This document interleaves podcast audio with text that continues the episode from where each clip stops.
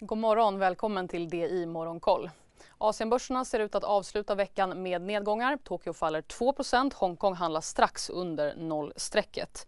På Tokyobörsen faller komponenttillverkaren Alps Alpine nästan 4% och branschkollegan Nidec drygt 5% Även Softbank tappar runt 2% sedan bolaget bekräftat planer på att kapa personalstyrkan med 30 Utanför börsen visar Kinas inköpschefsindex för industrin en viss återhämtning. Det steg till 50,1 i september jämfört med 49,4 i augusti och väntat var 49,6. Däremot sjönk PMI för tjänstesektorn men håller sig fortsatt på expansionsnivå.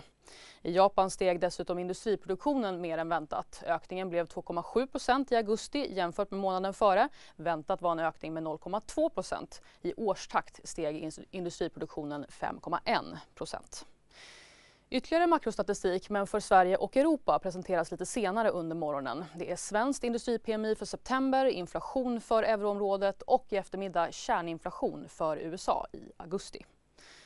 Och just i USA backade börserna tydligt under torsdagen. Nasdaq föll närmare 3% S&P drygt 2% Efter börsstängning redovisade sportjätten Nike ett resultat per aktie på 93 cent för det första kvartalet i räkenskapsåret. Det var strax i linje med förväntan, men aktien backade 9% i efterhanden.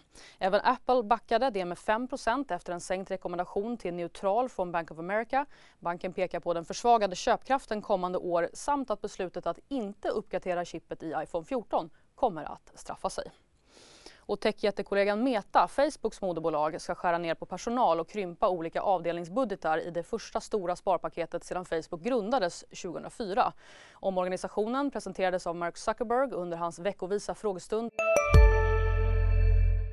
CSRD, ännu en förkortning som väcker känslor hos företagare. Men lugn, våra rådgivare här på PWC har koll på det som din verksamhet berörs av. Från hållbarhetslösningar och nya regelverk till affärsutveckling och ansvarsfulla AI-strategier. Välkommen till PWC. Med personalen skriver Bloomberg. Warren Buffett fortsätter att tanka aktier i oljejätten Occidental Petroleum. Mellan måndag och onsdag ska Berkshire Hathaway enligt CNBC köpt aktier för omkring 350 miljoner dollar. Samtidigt har oljepriset fortsatt att falla tillbaka. Ett fat Brent kostar nu drygt 87 dollar, ett fat VTI 80 dollar.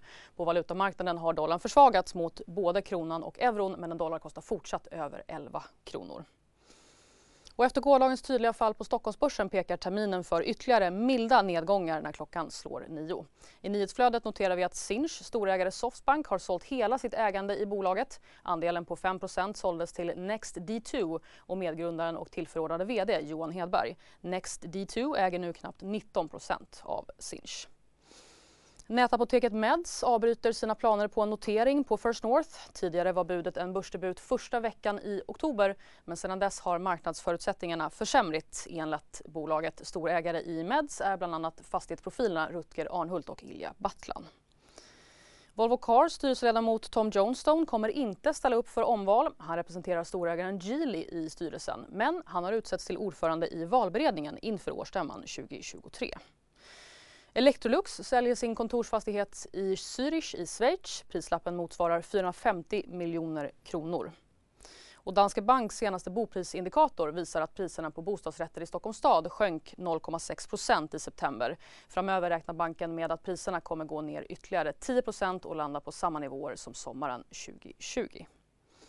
Till sist, flera bolag skiljs av utdelningen idag. Bonava delar ut motsvarande 6% av dagens aktiekurs, Fabege 1,5% och NCAB 1,5% Det var allt för den här morgonuppdateringen. Missa inte Börsmorgon kvart i nio med fler av dagens nyheter och fredagens börsöppning. Nyheter finns när du vill på di.se.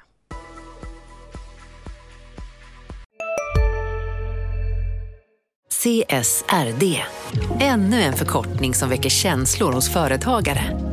Men lugn, våra rådgivare här på PWC har koll på det som din verksamhet berörs av. Från hållbarhetslösningar och nya regelverk till affärsutveckling och ansvarsfulla AI-strategier. Välkommen till PWC. Hej, Synoptik här. Så här års är det extra viktigt att du skyddar dina ögon mot solens skadliga strålar. Därför får du just nu 50% på ett par solglasögon i din styrka när du köper glasögon hos oss på Synoptik. Boka tid och läs mer på synoptik.se. Välkommen!